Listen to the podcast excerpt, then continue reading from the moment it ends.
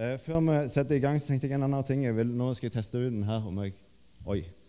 Eh, siden Arnt Ove er møteleder i dag, så tenkte jeg han Eller han betalte meg litt for eh, å reklamere litt for Volvo. da. Men jeg vet ikke om det er riktig Volvo-merke nå. Jeg er ikke helt oppdatert på det. Er det det? Ja? Vet du, ikke, vet du ikke dette? Men det som jeg tenkte jeg skulle si her, for det er litt med det jeg skal snakke om i dag, utrolig nok Jeg husker når jeg var ungdomsleder her i Misjonssalen for noen år siden, etter hvert nå, eh, så var det en eller annen gang Jeg kjørte rundt i en gammel Corolla, som noen kanskje husker. Jeg husker det var noen her som sa at vi er helt sikre på at Eline altså kona mi, ikke velte meg pga. bilen. Eh, og det var hun enig i. da, Det var ikke en veldig bra bil. Men um, Den bilen kjørte jeg rundt i da. Men Arnt Ove han hadde fått seg en ny Volvo. Og så var vi på tur med Spor. Jeg husker ikke helt hvor det var vi var henne. Spor var da et møte som var her i, eh, på søndag ettermiddag. Så hadde vi reist på en tur og så hadde Arnt Ove parkert hos naboen eller et eller annet greie. Og så måtte han flytte bilen. Og så spurte han meg har du lyst til å bare gjøre det. Og så tenkte jeg ja, det hadde vært litt kult å prøve den bilen. Men så tenkte jeg når jeg gikk bort mot den bilen der, Vet han at jeg er vant med bare traktorer og Corolla? det er så mange knapper her så jeg ikke aner hva det er for noe. så setter vi inni bare Hvordan får jeg han på? Det var det første. Og, men jeg fikk det nå til. da. Og så tenkte jeg Enten så er han risiko altså ikke så veldig redd for risiko. Eller så har han veldig høy eh, grad av tillit til meg, eller så bare kjenner han meg ikke vet hvordan jeg er med sånne nye ting. Eh, det gikk godt, men eh, ja, vi kommer litt tilbake igjen hvorfor jeg drar det, det fram her. da. Men nå skal vi be litt. Og vi faktisk, jeg faktisk, siden jeg lagde en powerpoint-presentasjon i dag, et eget bilde på bønn. Eh, for jeg tenker, Av og til når vi ber, så blir det en sånn rutineting. Når vi ber for en tale, eh, det, skal, det hører liksom til. Men så tenkte jeg var verdt å stoppe opp med at nå, når jeg ber for talen, så er det ikke bare en sånn eh, ting som jeg gjør, men jeg sender faktisk opp en bønn til Han som har all makt. Himmelske Far, jeg takker deg for misjonssalen, jeg takker deg for ditt ord. Jeg takker deg for at du er du. Eh, og jeg takker deg for Nehemia og den teksten vi skal lese av i dag. Eh, må du bare la det virke eh, sånn som du vil, i meg og i alle som er her, i ditt navn. Amen. Jeg tenkte at vi rett og slett skulle begynne med å lese en del av det ene kapittelet som jeg har fått å tale over i dag. Eh, og Det er Nehemia i Gamletestamentet, så det kan være litt sånn eh, ikke sånn rett fram og eh, kanskje litt tungt eh, delvis, men jeg tenkte det var verdt å lese det allikevel. Um, og Så begynner vi ifra, altså det er Nehemia 10, ifra vers 29. Alle disse holdt seg til de mest ansette blant sine brødre og sverget en dyr ed på at de ville vandre etter Guds lov, som var gitt ved Guds tjener Moses, og at de ville holde og gjøre etter alle Herrens, vår Herres bud og lover og forskrifter. Vi sverget at vi ikke skal gå, gi våre døtre til fremmede folk, eh, heller ikke ta deres døtre til hustruer for våre sønner, at vi, når de fremmede folk som kommer med sine varer, og all slags korn for å selge det på sabbaten, ikke skal kjøpe det av dem på sabbaten eller noen annen helligdag, og at vi i det 20. året skal la landet hvile og ettergi all gjeld. Vi påtar oss også den forpliktelsen at vi skal avgi tredjeparten av en sekel årlig til tjenesten i vår Guds hus, til skuebrødene og det daglige matofferet og til det daglige brennofferet og til ofrene på sabbaten, nymånedagene og høytidene, og til takkofrene og til syndofrene som tjener til soning for Israel og til alt arbeidet i vår Guds hus. Og vi, prestene levittene og folket, har kastet lodd om hvordan vi skal skaffe ved. Våre familier skal år for år til fastsatte tider føre veden til vår Guds hus for å brenne den på Herrens, vår Guds alter, slik det er foreskrevet i loven. Vi vet også at vi år for år skal føre førstegrøden av vår jord og de første modne fruktene av alle trær til Herrens hus. Og som det er foreskrevet i loven, skal vi føre de førstefødte av våre sønner og vår budskap, det førstefødte av vårt storfe og vårt småfe, til vår Guds hus, til prestene som gjør tjeneste i vår Guds hus. Likeså vil vi bringe det første av vårt mel og våre hellige gaver av all slags frukt som vokser på trær, av most og olje, til prestene, til lagerrommene i vår Guds hus. Og tienden av vår jord skal vi bringe til levittene og levittene skal selv innkreve tienden eh, i de byer hvor vi driver åkerbruk. En prest, en av Arons sønner, skal være med levittene når de innkrever tiende. Og selv skal levittene føre tienden av sin tiende opp til vår Guds hus, til lagerrommene i forrådshuset. Eh, for både Israels barn og Levis barn skal føre den hellige avgift av kornet, mosten og oljen til lagerrommene, hvor helligdommens kar er, der hvor de prestene som gjør tjeneste, holder til sammen med dørvaktene og sangerne. Vi skal ikke forsømme vår Guds hus. Litt tunge tekst, kanskje, men verdt å lese. Og Jeg tenkte jeg skulle begynne med bare å stoppe med noen av versene som står her. Eh, og Det første verset jeg vil stoppe med, og jeg ser at det kanskje er litt liten tekst her Jeg oppdaget det rett før jeg kjørte fra Ålgård i dag, så jeg fikk ikke fiksa på den her. Men i det første verset som vi leste her, så står det at eh, Eller så, er det skrevet at vi vil holde Herrens lover. Men istedenfor bare å skrive det, Herrens lover, så presiserer de med et komma og så Herrens, vår Herres lover. Og Det er det en veldig stor forskjell på, egentlig.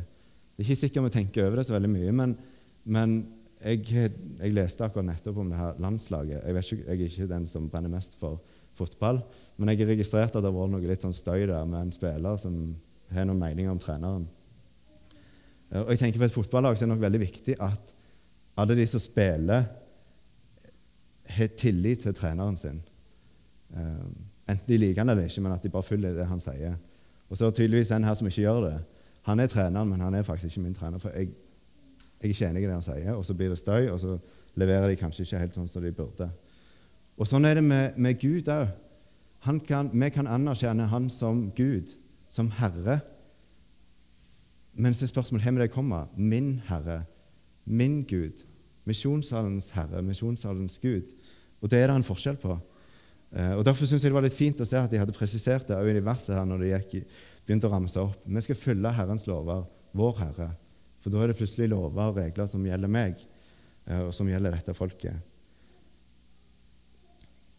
Det neste som jeg la merke til, det var i vers 32. Så står det vi påtar oss den forpliktelsen. Og da står Det det virker som det, det kommer, springer litt ut for de sjøl. De vet hvor lovene har vært tidligere etter Moses, men så sier de vi påtar oss på litt frivillig da, den forpliktelsen. Og forpliktelse det er sjelden et sånn positivt ord hvis vi hører det. Kan du påta deg den forpliktelsen? Nei, jeg kan gjøre det denne gangen, men ikke sånn. Vi, kjenner til det. Og så står de her Vi påtar oss den forpliktelsen. Og Vi skal komme litt tilbake igjen til det vi er seinere. Men det er en ting å legge merke til i teksten. Det neste som jeg stoppet med, det var hvor praktisk og detaljert det faktisk er. De snakker om ganske sånn generelle ting om å følge Guds lov. Og så kommer det òg at de prestene og levitene og hele folket har kasta lodd om hvordan de skal skaffe ved. En helt kjempepraktiske ting. Av sånn som tempelet fungerte der, så ofra de mye. Og da trengte de ved. Og så måtte de ha en løsning. Hvordan får vi ved? Helt praktisk. Ok, vi kaster lodd om det, og så ordner vi det sånn og sånn. Dere tar da, dere tar da, dere tar da, og så sørger vi for at det alltid er ved. Um, litt interessant at det faktisk står såpass detaljert. Også I vers 35 så står det noe som kanskje slår enda mer, syns jeg, hvis vi tenker over det. Det står at vi vet også at vi år for år skal føre førstegrøden av vår jord og de første modne fruktene av alle trær til Herrens hus. Førstegrøden, den syns jeg er litt sånn vanskelig nesten å tenke på. For det er veldig lett for oss å gi av overfloden. Og Det husker jeg, det blir ofte at jeg kommer innom eh, unger og sånn. Men jeg husker det en av mine som hadde lagd et eller annet. og så ville han gi det til meg først. Så sa jeg nei, men kanskje det. Det er jo du som lagde det, du må ha det sjøl. Nei, men du skal få det. Det ligger litt i oss, tror jeg, at det som vi har strevd med, det må vi iallfall få glede av sjøl, og så kan vi gi videre. Og så står det her at folket her sier at vi skal gi av førstegrøten. Altså det, det første, Se for deg at du har strevd og pløyd ei jord og lagt ned mye arbeid, og du får ingenting igjen på det før ganske lenge.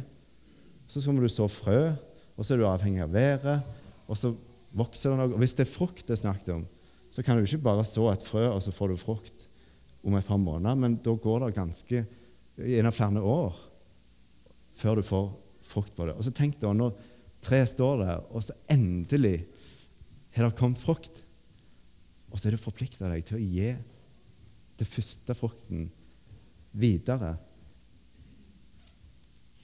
Det sier litt om det hjertet til folket her, eh, tenker jeg. Og så avslutter det hele kapittelet i vers 39 med 'Vi skal ikke forsømme vår Guds hus'. Vi skal ikke forsømme vår Guds hus. Og så begynte jeg å lure litt på hvorfor er det egentlig at israelsfolket kommer der, at de inngår denne forpliktelsen og til og med vil gi av førstegrøten av alt mulig. Og til og med sier de at de skal komme med de førstefødte skal de gå med til tempelet. Om de skulle gjøre en tjeneste der, jeg ikke så i detaljene der, men det var iallfall tydelig at til og med når det gjaldt eh, ungene og frukt og alt de hadde, så skulle de liksom først sette det til side til Gud. Hvorfor?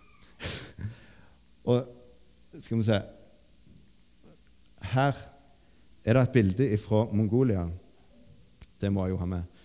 Jeg var på vei en gang der fra den byen jeg bodde, og så skulle jeg til hovedstaden. Og Så kjørte jeg forbi den her, eller kom jeg bak den lastebilen der.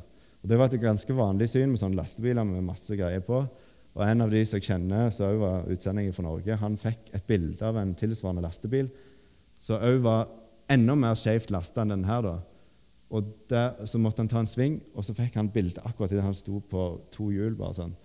Eh, og holdt på å velte, da, så klarte han å dette tilbake igjen. Det er litt sånn, ja, du kjenner liksom stressnivået når du kjørte bak noe sånt. Eh, og det som dere kanskje ikke ser på bildet her, men på toppen der Går det an å peke med den? Ja, det går kanskje an, men jeg fikk det ikke det. Eh, der er det et lite hode. Det er hodet på ei dame. Jeg kjørte forbi denne lastebilen, og så viser det seg at det sitter ei dame på toppen der. Og, jeg, så tok, tok jeg bilde av lasten i det jeg kjørte forbi, og det ser rett og slett ut som hun har pakket med seg hele livet sitt på den lastebilen. Under her så tror jeg det er eh, materiale som vi trenger til å lage et gjerde. Og så oppå der igjen så ligger alt materialet til å bygge huset. Det er sånn eh, G-telt som de har der, så du lager stokker, og så er det en duk forbi. Og så har hun med seg tønner med forskjellige ting. Jeg vet ikke om det er melk eller hva det er for noe. Og kofferter, stoler, der henger noe netting ut forbi. Plastikk, der er alt mulig. Og så sitter hun på toppen som sånn kransekaker med hun på toppen der. Eh, og så ble det litt beskrivende for meg hvordan eh, vi reiser gjennom livet med alt det vi har av eiendeler, men også erfaringer. Og så sitter vi på en måte på toppen, og så er vi på vei en eller annen plass. Og så lurer jeg på israelsfolket her, når de nå hadde kommet til der at de tar skikkelig oppgjør med seg sjøl og vender seg til Gud og sier nå skal vi gi førstegrøten av alt vi har. Vi skal ordne med ved, osv. Så, videre så hadde det òg en grunn. Det var et eller annet i alt det de dro med seg, som, som gjorde at de tok det valget.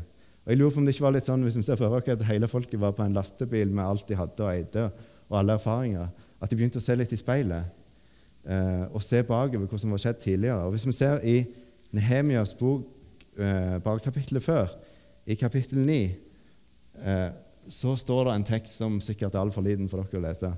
Men der står det I mange år bar du over med dem, altså folket, og advarte dem med din ånd gjennom dine mange profeter.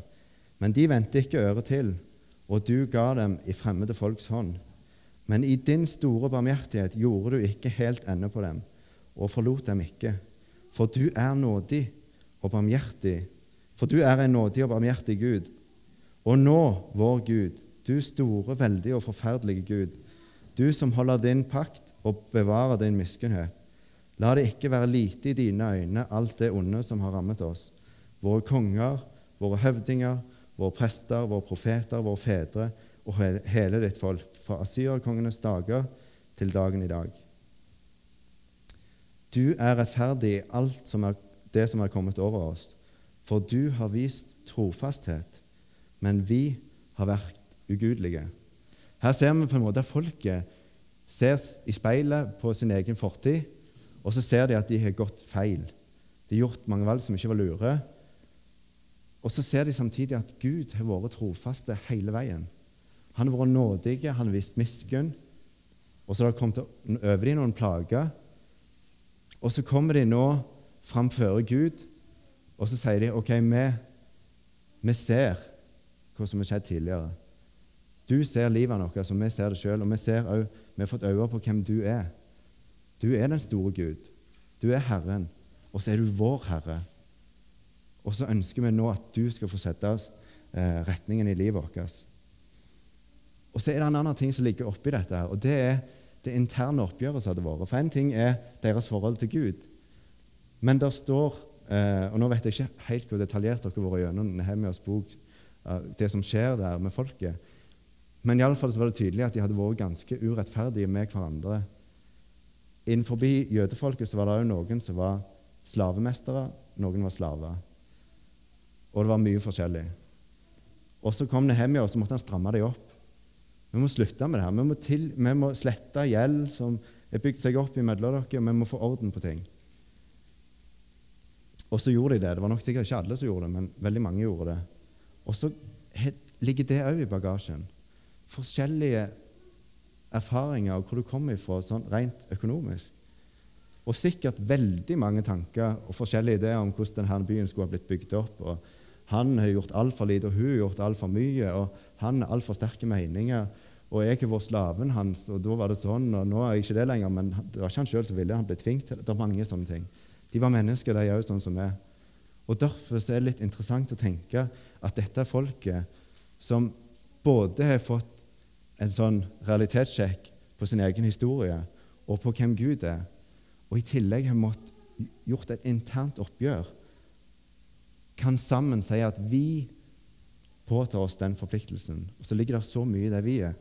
Allikevel så ser de sammen mot den samme Gud, som er ikke bare min Gud, men han er vår Gud. Og det er et viktig poeng, tenker jeg. Og så er temaet kan, kan jeg bygge Guds rike? Eh, og da følte jeg nesten at det var litt sånn Nå skal du holde en kollekttale. For, det, var, det er tid og penger og givertjeneste. Og det, det er greit nok, det. Men så tenkte jeg hva har det med Guds rike å gjøre? Og så var det sånn stikkord unna hvor velsignelse medfører det å være med og gi. Og hvordan skal vi gi? Du og misjonssalen, og hvordan skal vi forholde oss til et nytt bygg og forsamlinger som skal videre, osv. Og, da vil jeg tilbake igjen til denne eh, lastebilen her. For på samme måte som eh, på samme måte som det her Israelsfolket hadde en fortid, så er jo misjonssalen òg en fortid. Og alle dere som sitter her, har hver deres historie. Eh, både i forhold til kristendommen, i forhold til misjonssalen, i forhold til hverandre. Og så har dere forhåpentligvis samme Guden som dere tror på, og ser samme veien. Og så skal vi på en måte, av det vi har, så er dere med, i og med at dere går i misjonssalen og har dette som deres pass, så er dere på en måte dytta om bord på denne lastebilen alle i lag med alt det dere har av erfaringer og ting, og så skal dere i samme retning igjen. Og bygge et bygg, eller som nesten er helt ferdig, forstår jeg, eller det nærmer seg iallfall noe, uh, innvendig òg. Er utfordringen, og det tenker, kan dere tenke for deres eget liv òg, det tenker jeg for meg. For jeg òg drar på mange ting. En historie i forhold til tro, men det begynner å bli ganske mange ting òg. Eh, stående i ei bod og forskjellig sånn. Og da når jeg tenkte på hun dama på toppen her, for det jeg la merke til med hun, hun hadde faktisk gjort en ganske god jobb i forhold til en del andre i Mongolia når de kjører med ting. For det ser ut som de faktisk har stroppa ting fast. Og det var ikke alltid at det var gjort. Jeg har fått en sånn planke rett framfor bilen når jeg kjørte bak en gang. Men hun iallfall stroppa det ganske godt fast, og det henger ting rundt forbi, men det ligger iallfall fast. Men jeg antar at hun sjøl sitter fri oppå toppen der. Og Da begynte jeg å tenke på hvor forskjellig ville det vært hvis hun hadde lagt seg unna først med alt annet oppå, eller at hun sjøl hadde stroppa seg fast. Hvis lastebilen da velter, så velter hun med lastet. Og jeg tror vi som menighet tror jeg òg det er et sånt bilde på hvordan vi må forholde oss til de tingene som vi holder på med. Med alt det der jordiske, alle avgjørelsene som skal gjøres, julemessa skal ordnes, nye bygg som skal og korona Det er mange sånne ting. Klarer vi som menighet tenke at vi er fri på toppen av alt dette her, og så er dette virkemidler som må til? Noen helt praktiske ting må ordnes, men vi er fri på en måte ifra det. For det er forgjengelige ting. Til og med den nye brannstasjonen, som sikkert blir det beste bygget i hele Rogaland, er òg noe som en dag kanskje forgår. Men så er vi med på noe som er langt større enn det. Og Da er utfordringen at vi må ha med oss mange ting for å få til det vi er bedt om å gjøre. Gå videre med Guds rike. Vi må ha litt mat, vi må ha en plass å samles. Men klarer vi å unngå å bli bundet helt fast i det? Jeg husker en gang jeg gikk hjemme på gården der jeg er født og oppvokst, så så jeg et tre med en veldig løgn form. Det var liksom, en Stammen var sånn, og så gikk han inn, og så ut igjen, og så videre opp. Og det som hadde skjedd, Jeg måtte liksom plukke vekk litt bark for å se hva egentlig hadde skjedd. der. Og det var sannsynligvis en bonde, nabobonden, da, som hadde vært og funnet en klave på en sau som sikkert hadde daua en gang i tida. Så fant han klaven, og så skulle han gå og gjøre et eller annet annet, så hang, hang han den rundt en liten trestamme. Og Så gikk han og gjorde noe annet, og så glemte han den. Og Så vokste treet, og så sto den igjen. Og Så sto han igjen og sto igjen, men treet vokste på begge sidene. Og så vokste det rundt den klaven. da. Og Det tror jeg er faren med tingene som vi drar med oss. Og Det kan òg være synder eller ting som vi syns er vanskelig å forholde oss til, òg i forhold til kristendommen. Er det rett å gjøre sånn? Er det ikke? At vi lar det bare bli stående fast. Og så blir det en sånn inngrodd ting i livet vårt som kanskje forhindrer Guds verk. Og Det tenker jeg for misjonssalen òg. Eh, jeg tror det viktigste vi kan gjøre, er å leve i åpenhet overfor Gud og hverandre. Selvfølgelig ikke alt vi skal dele med hverandre, men med Gud så må vi være helt åpne. Òg på de gangene vi syns han er vanskelig, eller vi syns det er vanskelig å forstå hva var egentlig tanken her. For vi vet at han er nådig og barmhjertig Gud, som har stor tålmodighet, og vi tar feil valg òg, med tingene som drar med oss. Med valg 'Her burde du ha gjort sånn.' Men han trenger, eller han ser at vi trenger, at vi hver dag løsner litt på den der klaven og bare leverer den over til han, og så kan vi heller henge på han på nytt igjen hvis det er ting som som vi ikke er helt ferdige med. Eh, kanskje blir litt i overkant bildespråk her. Men det som jeg tenker på, er den friheten som han legger før oss. Når når han ber meg om å gi penger og tid, så kan jeg tenke da, hva skal motivasjonen min være? Hva skal motivasjonen din være for å gi av de tid og dine penger? Og En helt enkel ting er at det er jo veldig stas med et nytt bygg. F.eks. hvis vi tenker på det å gi til det nye bygget i Misjonssalen. Det er jo stas. Det er jo enkelt og, greit svar, egentlig, sånn sett. Men, men for, for, deg, hva gjør det? Jeg tror Eller hva får du igjen? Og jeg tror noe av det som vi får igjen med å gi av det vi har fått, er nettopp det der med å unngå at vi, det gror fast. For når israelsfolket her begynte med at ok, vi, selv om vi var for fattige, så skal vi gi av førstegrøten. Så ble de påminnet at det er Gud som styrer butikken. Og alt det vi har, er noe som vi ikke kan stole på. Og hvis, hvis lasset velter, så gjør det ingenting, for jeg sitter helt fri på toppen. Og Sånn er det med, med tingene våre og tida.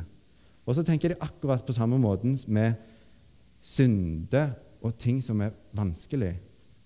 Det òg trenger vi å få gjort opp hver dag, selv om vi sjøl ikke helt klarer å se hva som er eh, Guds svar. Vi ser stykkevis og delt. Jeg skulle ønske mange ganger at vi så mye mer tydelig.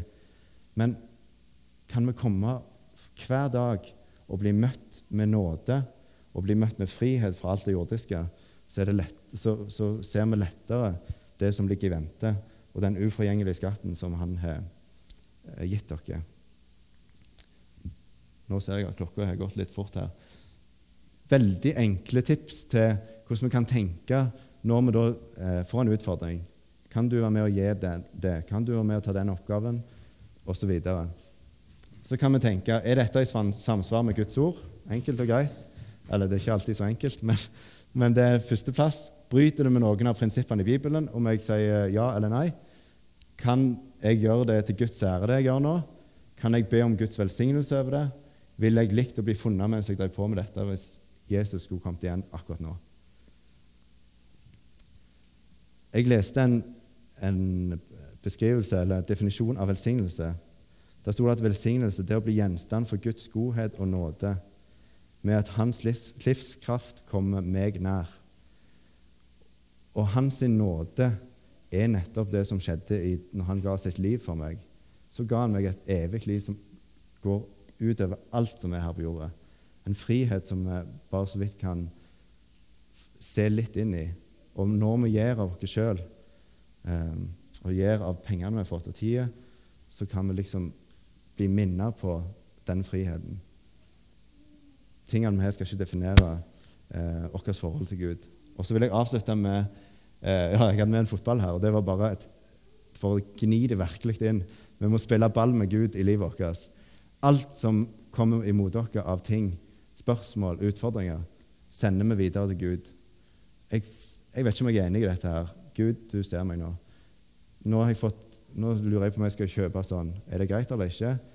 Istedenfor å begynne å gå, gjemme seg vekk i det du tror du kanskje gjør noe du ikke skulle, gå rett til Gud med det og legg det fram for han hele veien, så vil han lede. Jeg tror jeg avslutter med det.